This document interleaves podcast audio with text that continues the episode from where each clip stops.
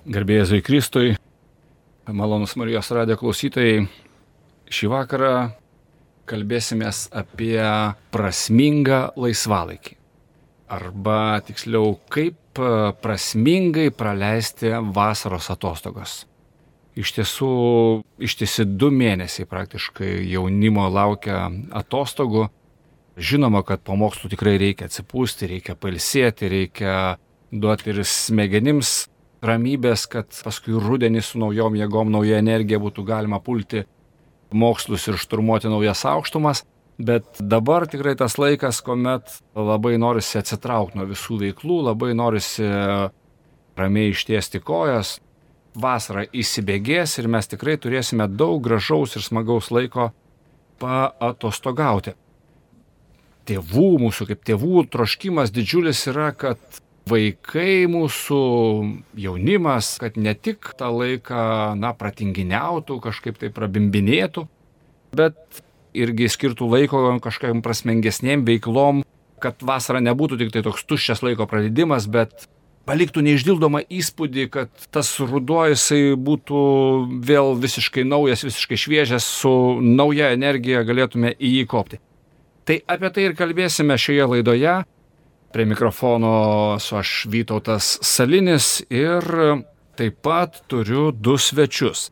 Tai Aukštakalnio studijų centro direktorius Ignacio Vielon. Labą dieną. Ir to paties Aukštakalnio studijų centro dalyvis ir savanoris Rokas Žilinskas. Labą dieną.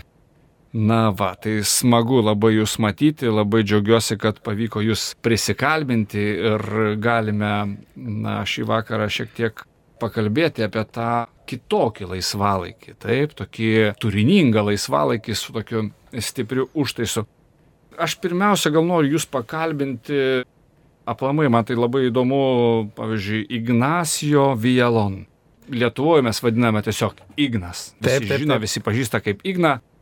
Ignai, labai smalsu mum, kaip atsidūrė Lietuvoje. Ar senėjasi Lietuvoje? Taip, nu, pakankamai seniai, jau 12 metai. Dėl ko atvažiavai čia? Yra ilga istorija, bet jeigu trumpai. nu, buvau 12 klasai ir tada tenais Ispanijoje, aš esu iš Madrido, ten iš Ispanijos sostinės. Ir kai mokiausi 12 klasai, lankiau tokį jaunimo klubą, kuris buvo labai panašaus pobūdžio į aukštakalnį čia kaip opus dei žmonių ten sukurtas klubas. Ir tada atsirado galimybė atvykti į Lietuvą, padėti su to klubo Lietuvos veiklom. Ir nieko, tada, kai manęs paklausė, ar nori į Lietuvą atvažiuoti, ten prisidėti prie tų veiklų, prie to darbo, prie irgi opus dei veiklų Lietuvoje.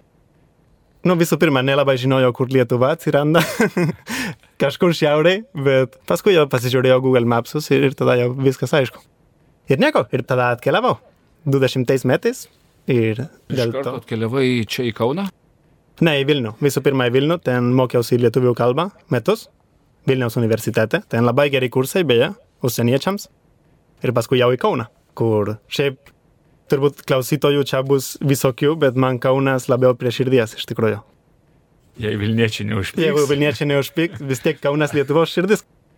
Gerai, Ignai, ispanas, Baigiai mokyklą, Taip. po mokyklos iškart atvykai čia į Lietuvą. Kas toliau, ką veikiai čia? Kai pabaigiau tuos kursus lietuvių kalbos, įstojau KTU universitete į statybos inžineriją.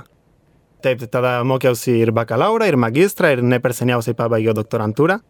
Nu, iš tikrųjų, jeigu įdomu, tyrimas buvo apie fosfogipsą, tokią atliekinę medžiagą, ir bandėm ją panaudoti kaip statybinę medžiagą pavyko pagerinti jos savybės ir, nu, bus matyt, bus matyt dabar, ar panaudos, ar nepanaudos, bet yra potencialo. Viskas procese. Taip, viskas. Na, suprantu, kad mokslo aukštumos jau rimtos pasiektos, dėstymas vyksta toliau taip, universitete. Taip, taip ir mokslinė veikla, bet taip pat esi ir aukštakalnio studijų centro direktorius. Taip, visiškai teisingai. Kaip suspėjai viską? Tai susiplanuoji ir kartais suspėji, o kartais ne. Bet iš tikrųjų malonumas yra būti aukštakalnyje, aukštakalnio klube, nes ten idėja, gal ir vėliau pašnekėsim truputį, bet yra padėti tėvam prisidėti prie auklėjimo, nes tenais yra daug iššūkių, ten auklėjimo procesai ir mes per laisvalaikio veiklas ir panašiai, tai bandom, kad vaikinai ir berniukai užaugtų gerais piliečiais ir gerais katalikais. Tai tokia ir mintis. Kitaip tariant, tai, ką dar būdamas moksleivių darėjai Madride, Taip, tai dabar tu tesi šitą veiklą čia Kaune, Lietuvoje. taip, galima taip sakyti. Rokai, noriu pakalbinti tave, kaip pristačiau tave kaip dalyvį ir kaip savanorį aukštakalnio studijų centro. Tai nuo kurios dalies norėtum pradėti? Pirmiausia, kaip dalyvis. Iš tikrųjų, aukštakalnį atradau visai atsitiktinai. Nieko nežinau nei apie aukštakalnį, nei apie Opus Dei, bet turėjau vieną pažįstamą, kuri pasakė, kad lanko veiklas tokiame merginų centre, kuris yra labai panašus į aukštakalnį, tik tai skirtas merginoms. Ir aš pasidomėjau ir man parekomendavo susiekti su būtent aukštakalniu ir su Ignu. Tada apsilankiau pas Igną dar vis nežinodamas, kas yra aukštakalnis. ir nuo tada prasidėjo labai smagus pažinimo kelias. Ir taip pat pradėjau dalyvauti įvairiose veiklose. Kangi buvo pandemija, veiklos vyko nuotoliniu būdu pirmiausia. Turėjome tokį diskusijų klubą apie šio laikinės, taip pat ir istorinės, politinės ideologijas bei filosofijas ir kaip jos siejasi su šio laikiniu kontekstu bei krikščionybė. Tai tarkime humanizmas, racionalizmas, liberalizmas, socializmas ir scientizmas, kas į ką reiškia, kad mokslinio metodo išaukštinimas virš to, ko jis turėtų iš tikrųjų būti. Iš tikrųjų labai aktuali tema ir vėlgi tai tikrai padėjo praplėsti akiratį. Paskui priėmiau sprendimą padėti Ignui ruošti moksleivių sutvirtinimo sakramentai. Su Igno pagalba irgi po truputėlį išmokau papasakoti apie tam tikrus dalykus ir kartu mes dėstėme moksleiviam įvairias temas ir kaip tik visai nesiniai priėmė sutvirtinimo sakramentą. Tai buvo didelis džiaugsmas. Ar tai buvo pirmoji grupė paties? Taip, aš visą neturėjau jokios patirties pasakojame apie tikėjimą. Iš tikrųjų, jeigu galime įsitarti, Rokas truputį sukčiavo, nes jis pats nebuvo priėmęs sutvirtinimo. Ne, aš čia juokaujant, aišku. Tai, bet jau susitvarkė su šitą problemą. Rokas net kukliai nuleido akis. Sutvirtinimui taip pat ruošiausi Opus Dei centre su kitu aukštakalnio klubo nariu. Mes mane paruošė sutvirtinimo sakramentui. Taip pat dar buvo vienas kitas, jau suaugusiai amžiaus grupės vyras. Nes yra kelios grupės, taip pat yra skirstama pagal amžiaus kategoriją - moksleiviai, studentai ir jau šiek tiek vyresni vyrai. Ir veiklos yra tikrai įvairios, manau, dar tikrai tiek Ignas, tiek aš apie jas papasakosime. Kaip suprantu, netaip seniai įsijungia į veiklą, turbūt kokie trys metai, ne? Netgi mažiau tikriausiai aktyvi veikla, galbūt prieš mažiau negu du metus prasidėjo. Gal netgi paskutiniai metai tik tai jau aktyviau, nes prieš tai pandemija buvo ir buvo mažiau tikrai tos veiklos. Pandemijos laikotarpio vis tiek tas įsitraukimas jis buvo labai apribotas, negalėjai susitikti, bet vis tiek veikla turbūt vyko nuotoliniu būdu. Vyko, vyko, taip, taip. Iš tikrųjų, nuotoliniu būdu galimybės yra daug platesnės negu kontaktiniu būdu, tikrai ir buvo galima įsijungti. Kadangi mes turim koplytelę, tai kiekvieną dieną prie bendros maldos su visais moksleiviais, kurie lankosi aukštakalnį. Toks variantas, paskui irgi visokios veiklos, pamokos, žaidimai. Na, galim pasidžiaugti, kad pandemija kiek atsitraukia ir tikrai mes jau galim na, bendrauti, galime susitikti ir tai iš tikrųjų tokia didžiulė dovana. Ir Rokas jau įsitraukė, sakai, taip ten aktyviai tokius jau gerus metus. Tai dabar jau tokį kaip savanoris, sakykime, ne, bet kaip dalyvis turbūt irgi įvairiuose veiklose pačiam centre dalyvauja. Taip, e, toliau mokslo metų metu, žinoma, eidavau į ratelius studentiško amžiaus žmonių ir taip pat, aišku, būdavo įvairios veiklos, mes negi kartais eidame, ką nors nuveikti, tarkime, žaisti biliardą ir panašiai. Tikrai, kaip jau Ignas minėjo, čia yra laisvalaikio išnaudojamas geriems tikslams ir asmeniniam augimui. Tai ne tik vyksta veiklos konkrečiai susijusios tikėjimo augdymu, bet taip pat ir mes tą tikėjimą bandome praktiškai pritaikyti vienas kitų bendraudami įvairiose kontekstuose, taip pat ir, kaip jau minėjau, biliardai ir kitose veiklose. Žodžiu, tai ne tik, kad e, jaunuoliai susitinka ir gilinasi į įvairias mokslinės kažkokias teorijas ar dar kažką, tai ne arba ugdo savo tikėjimą, bet ir toks kūrybingas, įvairus laisvalaikis, kartais labai paprastas ir žemiškas, toks kaip biliardas, ne, labai smagus. Na gerai, tai papasakokite daugiau aplamai apie aukštakalnio veiklą, nes dabar jau girdėjau tokį dar naują žodį kaip rateliai, kur mhm. studentai renkasi, vėlgi kažkokios studijos vyksta, pasirašymai sutvirtinimui, galimi moksleiviams, taip. Aplamai, kokios veiklos vyksta, kas ten verda, kas gali ateiti, ar yra kažkokie tai amžiaus apribojimai. Taip, tai pas mus, nu, visų pirma yra vyrų centras, tai gali susirinkti, kas nori nuo 10 metų iki 100 metų, galima taip sakyti. Bet Jeigu... yra tik vyrai. Taip, yra panašus centras irgi Kaune moterims, tai yra vyrams ir moterims. Ta veiklos vyksta, kaip sakė Rokas anksčiau. Atitinkamai, tai turim tokias veiklas jaunesniem moksleiviam, nuo 10 iki 13 metų. Tai čia būtų kartą į mėnesį organizuojant tokį Rocket Day, tiesiog turim vieną kitą pamokėlę apie tobulėjimą vienoj kitoj srity, nu, tar, gali būti arba iš tikėjimo pusės, iš charakterio pusės. Ir paskui darom visokias veiklas, tarkim, čiuožinėjimas ant ledo. Ir paskui valgyti čia burekus. Įvairiai, labai įvairiai. Arba ten ieškoti lobių ažuolinė, kur yra tokia programėlė geocaching. Arba dabar lankyti aviacijos muziejų Aleksote, eiti į pabėgimo kambarį. Tai čia Rocket Day 10-13 metų moksleiviam. Čia patiems jauniausiams klubo lankytojams. Taip, taip, taip.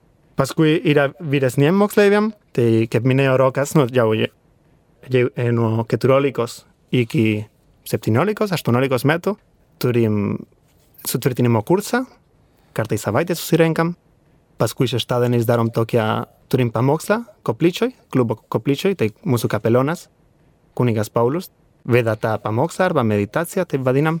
Ir paskui darom vieną kitą veiklą irgi ten, ar tai būtų diskusija, ar tai būtų žaidimas, ar įvairiai. Šiais metais patys moksleiviai pasiruošdavo pristatymus apie įdomias temas, kurias jiem domina. Ne? Tarkim, vienas pristatė apie Karolį Didį, kitas pristatė apie sakralią muziką, kitas apie Formulę 1. Tai tiesiog, kas domina, tai ir pristato apie tai. Ir moksleiviam aišku, yra irgi visokių kelionių, yra stovyklos, ypatingai per vasarą, tai apie tai galim vėliau truputį papasakot. Ir nieko, ir studentams, kaip Rokas papasakojo, ne, kad turėjom tą ciklą apie ideologijas, buvo ciklas apie tiesiog, yra rateliai, yra savaitinės pamokos apie kaip pritaikyti tikėjimą kasdienybei. Ir dar užmiršau, kad kitais metais planuojam paleisti tokį lyderystės kursą moksleiviam, nu jau vyresniem moksleiviam, kuris vadinasi Jump. Nuo 15. Jau Vilniui daro, panašiam klube kaip ir mūsų, vadinasi Liepkiemis, tas klubas. Tai jau organizuoja trečius metus, o mes bandysim paleisti nuo rugsėjo. Tai irgi visi kviečiami. Nuo 15 metų, žodžiu, tai irgi turbūt vieną kartą per savaitę. Ne, kartą į mėnesį. Kartą į mėnesį. Jo, ir tas lyderystės kursas susidaro iš, kartą į mėnesį vyksta seminaras su svečiu, tas praveda apie ateities planavimą, apie susidomėjimas menu ar menais įvairiom temom, kur apie kaip dirbti komandoje. Tokias temas, kurios gali padėti paskui aukti profesiniam gyvenime, aukti kaip žmonės. Ir tuo pačiu, tai kartą į mėnesį, sakėm, seminarą, paskui savanoristė, eiti į senelių namus arba į maisto banką ir panašiai. Ten savanoriauti, kad praktiškai, ne tik teoriškai sužinot, bet praktiškai padėti kitiem kartą į mėnesį mentoristė. Tai vienu žodžiu yra trejetas, kurio bandysim, čia iššūkis yra, bet bandysim, kad moksleiviai ten per teoriją ir per praktiką bandytų tobulėti. Nuo rudens. Taip. Veiklos startos rudenį, kažkada rugsėjo mėnesį, turbūt irgi bus informacija, aukštakalnis.lt, galima internete pasieškoti ir tikrai galima rasti tą informaciją. Gerai, keliaukim toliau. Man tai įdomu, tai rateliai, tai yra studentai renkasi? Taip, ir aišku, visoms amžiaus kategorijoms rateliai, tiek moksleiviams, tiek studentams, tiek suaugusiems vyrams, bet jų pobūdis yra labai panašus. Aišku, svarbiausia, turbūt, kiekvienoje krikščioniškoje veikloje yra malda, taip pat Evangelijos aptarimas bei aptariama kokia nors dvasingumo tema, gali būti labai konkrečiai susijusios su tikėjimu, kaip, tarkime, Euharistija, bet gali būti ir kitokios temos, kaip kasdienybėje tą tikėjimą pritaikyti apie šeimą, apie draugystę, kas yra labai tikrai aktualu, būtent praktiškai pritaikyti tikėjimą. Ir tie rateliai, aišku, trunka apie 45 minutės, prieš ir po to ten galbūt dar pakalbame, pasidaliname įspūdžiais. Ir tai vyksta kartą per savaitę. Dar norėtųsi truputėlį tokį irgi aiškumą įvesti, nes vis paminite, kad sutvirtinimo kažkokiu sakramentui pasirašymai vyksta. Tai vis tik tai yra kažkoks tai, na, toks vertybinis ūkdymas centre, taip? Taip, taip, taip. Vertybinis ūkdymas. Tėvas Paulius, ne pats minėjai, jis yra čia ir kas tai per dvasingumas yra? Taip, tai aukštakalnio kaip ūkdymas, siūlomas ūkdymas yra visapusiškas. Tai ir dvasinis, žmogiškas, profesinis, galima taip sakyti, jeigu žiūrim, tarkim, į tą lyderystės kursą. Tai bandom visapusiškai ugdyti, ar būtų per sportą, ar per pratelius, arba per paskaitas. Ir jeigu kalbant grinai apie tą dvasinį ugdymą, tai yra pagal Opus Dei dvasia, galim taip pasakyti. Kur yra katalikų bažnyčios organizacija, kurios pagrindinė mintis yra šventumas kasdienybei. Tai jeigu tu kasdienybei dirbi inžinierinių darbų, tai jeigu atlieki gerai tą darbą, projektavimo metu, taip artėjai prie Dievo, ne? Arba jeigu kasdienybei susitinki su draugais išgerti alaus, arba kavos, arba kas nors, tiesiog saikingai, tai čia yra būdas irgi artėti prie Dievo, ne? Tai jeigu taip galim sakyti. Nereikia būtinai ten melstis visą dieną, nes jeigu gerai atlieki darbą, tai yra malda irgi. Tai malda ir kasdienybė kartu. Man anksčiau aš kažkaip vis prisimenu, kad man opus dėjai tai buvo toks ypatingai, čia filmas vienas padarė tokią paslaugą, ne, kad nuo opus dėjai tai buvo pristatyta kaip tokia baisiai slapta kažkokia organizacija ir kuri ten nu, nelabai aišku, ką daro. Ir paskui staiga išgirstu, kad palauk opus dėjai Kaune, žiūrėk, opus dėjai Vilniuje yra. Sustinki su žmonėmis, viskas su jais gerai atrodo, ne, ne kažkokie mafijozai, ne dar kažką. Jau truputėlį pakalbėjom apie tas veiklas, kurios vyksta turbūt visus metus. Ar vasarą šitos veiklos jos taip pat vyksta, ar jos kiek pristoja vasarą? Tos eilinės veiklos, nu, ar rateliai, ar tai būtų, jau sustojo. Šiuo metu, kaip ir baigėsi, nes ir vaikinai buvo sutvirtinti, kiti atostogauja, bet ką mes turim per vasarą yra stovyklos.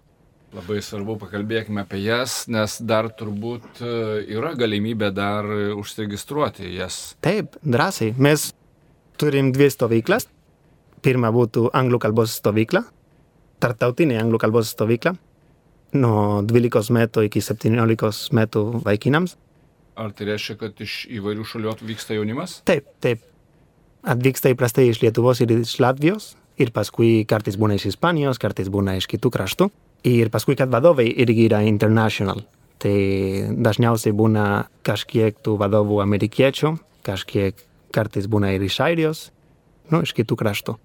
Tai yra tas tarptautiniškumas. Taip. Tai tie vadovai tikriausiai irgi iš kitų šalių opusdėjai centrų atvyksta. Ar nebūtinai? Nebūtinai, nebūtinai. Atsiranda iš įvairių Savanoriai kažkokie. savanoriai, taip, taip, gal draugų draugai, gal, nu, kad būtų patikimi tiesiog. Tik su rekomendacija gali pakeisti. Tik su rekomendacija, taip, taip. Čia jau geroji naujiena. Na gerai. Ir ką dabar ta stovykla kada jinai vyks? Vyks nuo Liepos 2 iki 10. Čia netoli Kauno, Pušino stovykla vietai, tai čia yra už Zapiškio, yra Jadagonis, toks miestelis, toks kaimas. Ir ten, nu, yra tokia nuostabi stovykla vietai, galima pareklamuoti šitai, ne- nes tikrai. Ir tas dienas, ką jie ten veiks? Tada reikia visų pirma pasakyti, kad šiais metais yra jau 30 jubiliejus stovyklai, Oho. nes 30 metų jau vyksta stovyklos. Taip, nuo 92 metų netgi. Nu, čia iš karto po nepriklausomybės. Nu, iš tikrųjų yra įdomi istorija, nes buvo taip, kad tais laikais Amerikoje buvo tas, o, labai patrauklių, atvažiuokim į buvusią Sovietų sąjungos šalį, pamokinkim vaikus anglų kalbą. Ir tada taip ir prasidėjo. Kad studentai iš, man atrodo, kad opus dei rezidencijos tenais turėjo šitą mintį ir atvažiavo, atkeliavo į Lietuvą. Ir paskui, kai jau prasidėjo aukštakalnis ir liepkimis Lietuvoje, keletas metų vėliau, perėmė tą stovyklos organizavimą ir nieko, ir jau 30 metai. Man pačiam yra 30 metų, tai esam vienmiečiai su stovykla, įsivaizduojat? Tikrai gražus jubiliejus jau yra ką švesti, ne juokas. Taip, taip, taip. Jūs girdite Marijos radiją.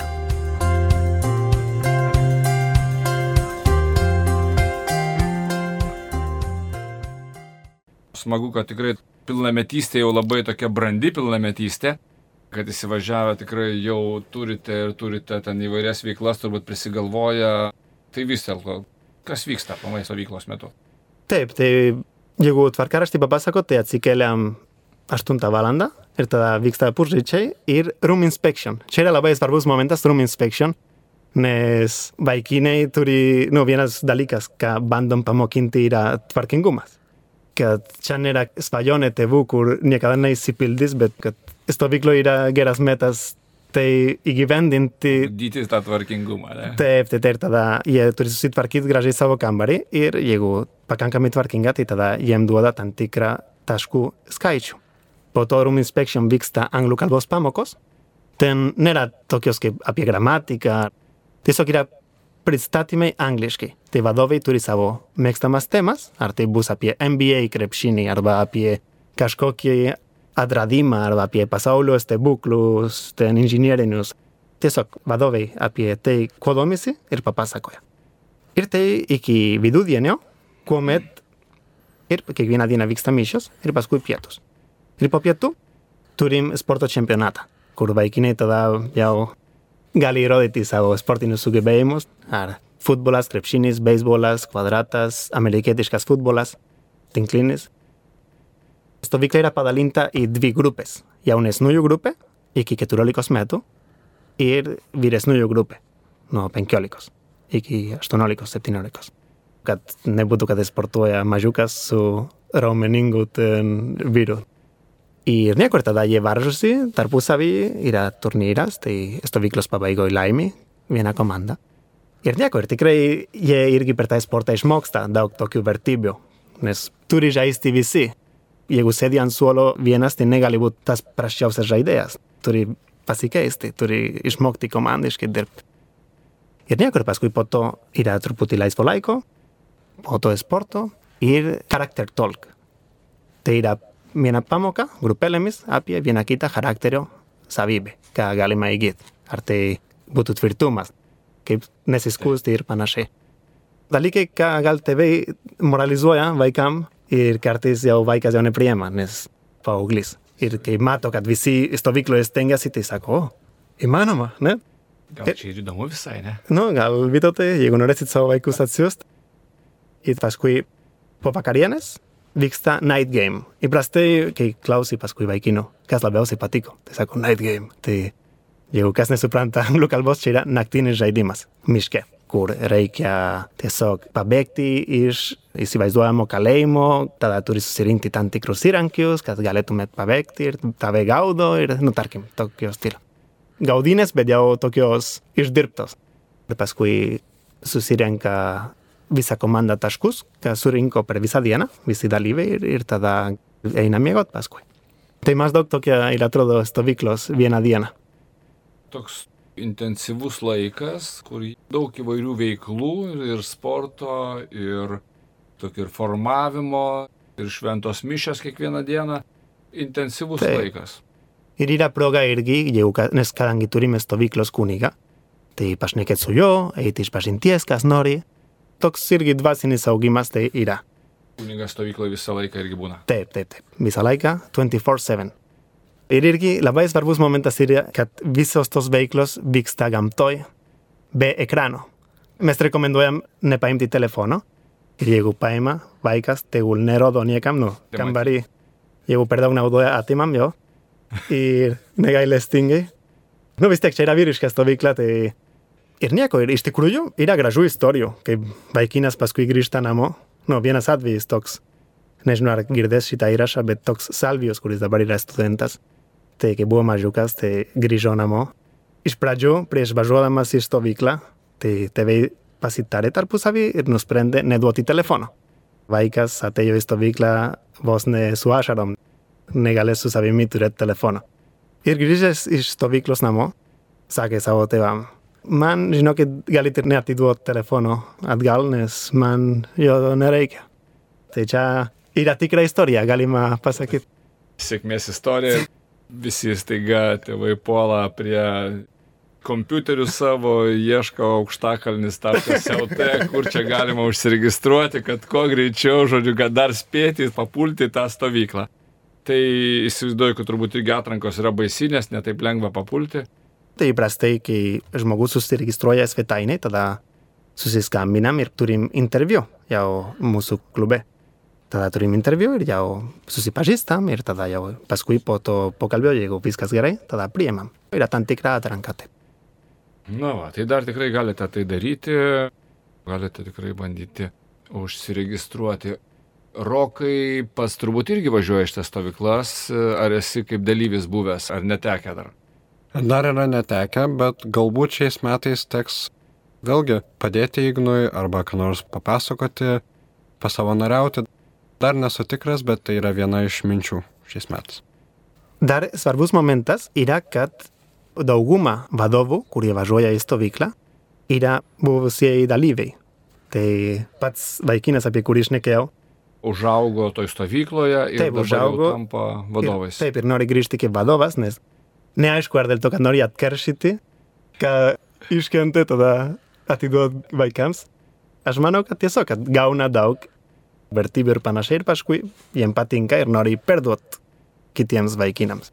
Toksai labai geras užkratas, kai užsikrėti ir nori ir kitus paskui iškrėsti. Taip, taip, tikrai taip. Puiku. Tai čia yra vyresniems stovykla, šita jau. Nuo 12 iki 18. Ir dar viena yra stovykla, kur yra skirta, tokia trumpesnė, skirta jaunesniem, nuo 10 metų. Taip, nuo 10 iki 13 metų, tai turim tokią sporto stovyklą. Ir jinai vyksta, aš dabar bijau pameluot, bet man atrodo, kad yra nuo Liepos 28 iki 31. Tai yra nuo ketvirtadienio iki sekmadienio. Tenais yra tokia, jo, mažiau dalyvių, nes anglų kalbos stovykloje gali būti 80 vaikinų.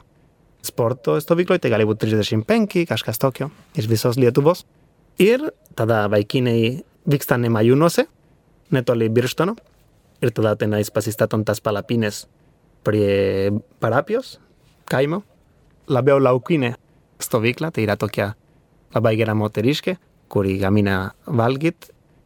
Per tą stovyklą tai ką darom? Sportuojam, darom žaidimus miške, turim mišias kiekvieną dieną ir kas nori gali eiti iš pažinties, nes irgi bus kunigas. Tai tokios labiau kaip veiklos, ne? žaidimai miške, gaudinės, sportas, ko daugiau reikia. Grina morė, čia romantika, palapinėse, maistas ant laužo, ar dar kažkokios atrakcijos prie laužo, tai turbūt svajonių laisvalaikis. Jie kartais ateina ir nepažįsta kitų berniukų, tai yra proga naujas draugystės užmėgsti. Ir kiti gal turi draugų, bet mes bandome skatinti, kad galvotų apie kitus. Jeigu mato vienišesnį berniuką, tada kad sakytų, o, tai tas vienišas. Tai iš tikrųjų, jeigu pagal matematiką, jeigu tu galvoji tik apie save ir visi taip daro, tai kiekvienas žmogus tik galvoja vienas žmogus. Bet jeigu kiekvienas galvoja apie kitus, tai galim sakyti, kad apie tave galvoja 30 dar žmonių. Tai apsimoka. Vaikinai, berniukai šitą supranta ir tada bando, stengiasi. Na, iš tikrųjų įdomu. Tai realiai dabar turėsite šią vasarą, turėsite šitas dvi stovyklas. Taip, taip. Registracija aktyvi, veikia aukštakalnis.lt ir jeigu užsiregistruojat, tai greitai susisiekiam. Puiku. Man dar šiek tiek įdomu, ar tai yra veiklos tik vaikams, jaunimui, ar, pavyzdžiui, gal tėvai kartu gali irgi ateiti. Į aukštakalnį? Taip. Taip, tikrai taip. Mes turim ir veiklų tėvam. Taip. Į patį Rocket Day, pavyzdžiui, kur minėjau, tai gali ir tėvai prisijungti. Čia rokedai, tai tai jau su tais mažesniais, Su nuo 10 iki mažesniais, 13 jo. metų, taip. Kas liečia, nu, kaip Rokas paminėjo, ratelius, irgi turim vieną veiklą, kur gal nepaminėjom, yra rekolekcijos. Tada tenais jau skirta tėvams, tečiams, šitaip sakykime, ne? Ir jo, tai tada yra irgi visapusiškas gal ugdymas, įsigilinimas į tikėjimą, tai va, tai čia jau vyriški reikalai. Ir kartais žmonės, taip, jiem trūksta to vyriškumo tikėjimo ugdyme. Kartais trūksta tos vyriškos terpės ir mes bandom tą ir irgi duoti. Tai čia rekolekcijose taip pat irgi tik vyrai renkasi. Jo, jo. Strevadvarį yra toks namukas prie netoli Kruonio. Ar dažnai organizuojate šitas rekolekcijas? Rekolekcijos yra organizuojamos dažnai, ir skirtingoms amžiaus grupėms ir skirtingomis progomis. Jeigu aš esu studentiško amžiaus, tai aš galbūt dalyvausiu vieną kartą per metus, vieną kartą per mokslo metus, būtent rekolekcijose, kuriuose ir bus mano amžiaus žmonės. Nėra maišomos amžiaus grupės dažniausiai per rekolekcijas. Studentai atskirai, o vyresni jau ten baigę studijas, jau jie tada irgi atskirai, vadinkim taip. Taip, ir čia yra tylos rekolekcijos, tai yra tiesiog skirti nuo ketvirtadienio iki sekmadienio arba nuo penktadienio priklauso. Bet porą arba tris dienas ten pabūt ramiai, pasimelsti, biški iš nuošalės pažiūrėti į savo gyvenimą, kasdienybę, tada tai yra tikrai labai vertingas reikalas.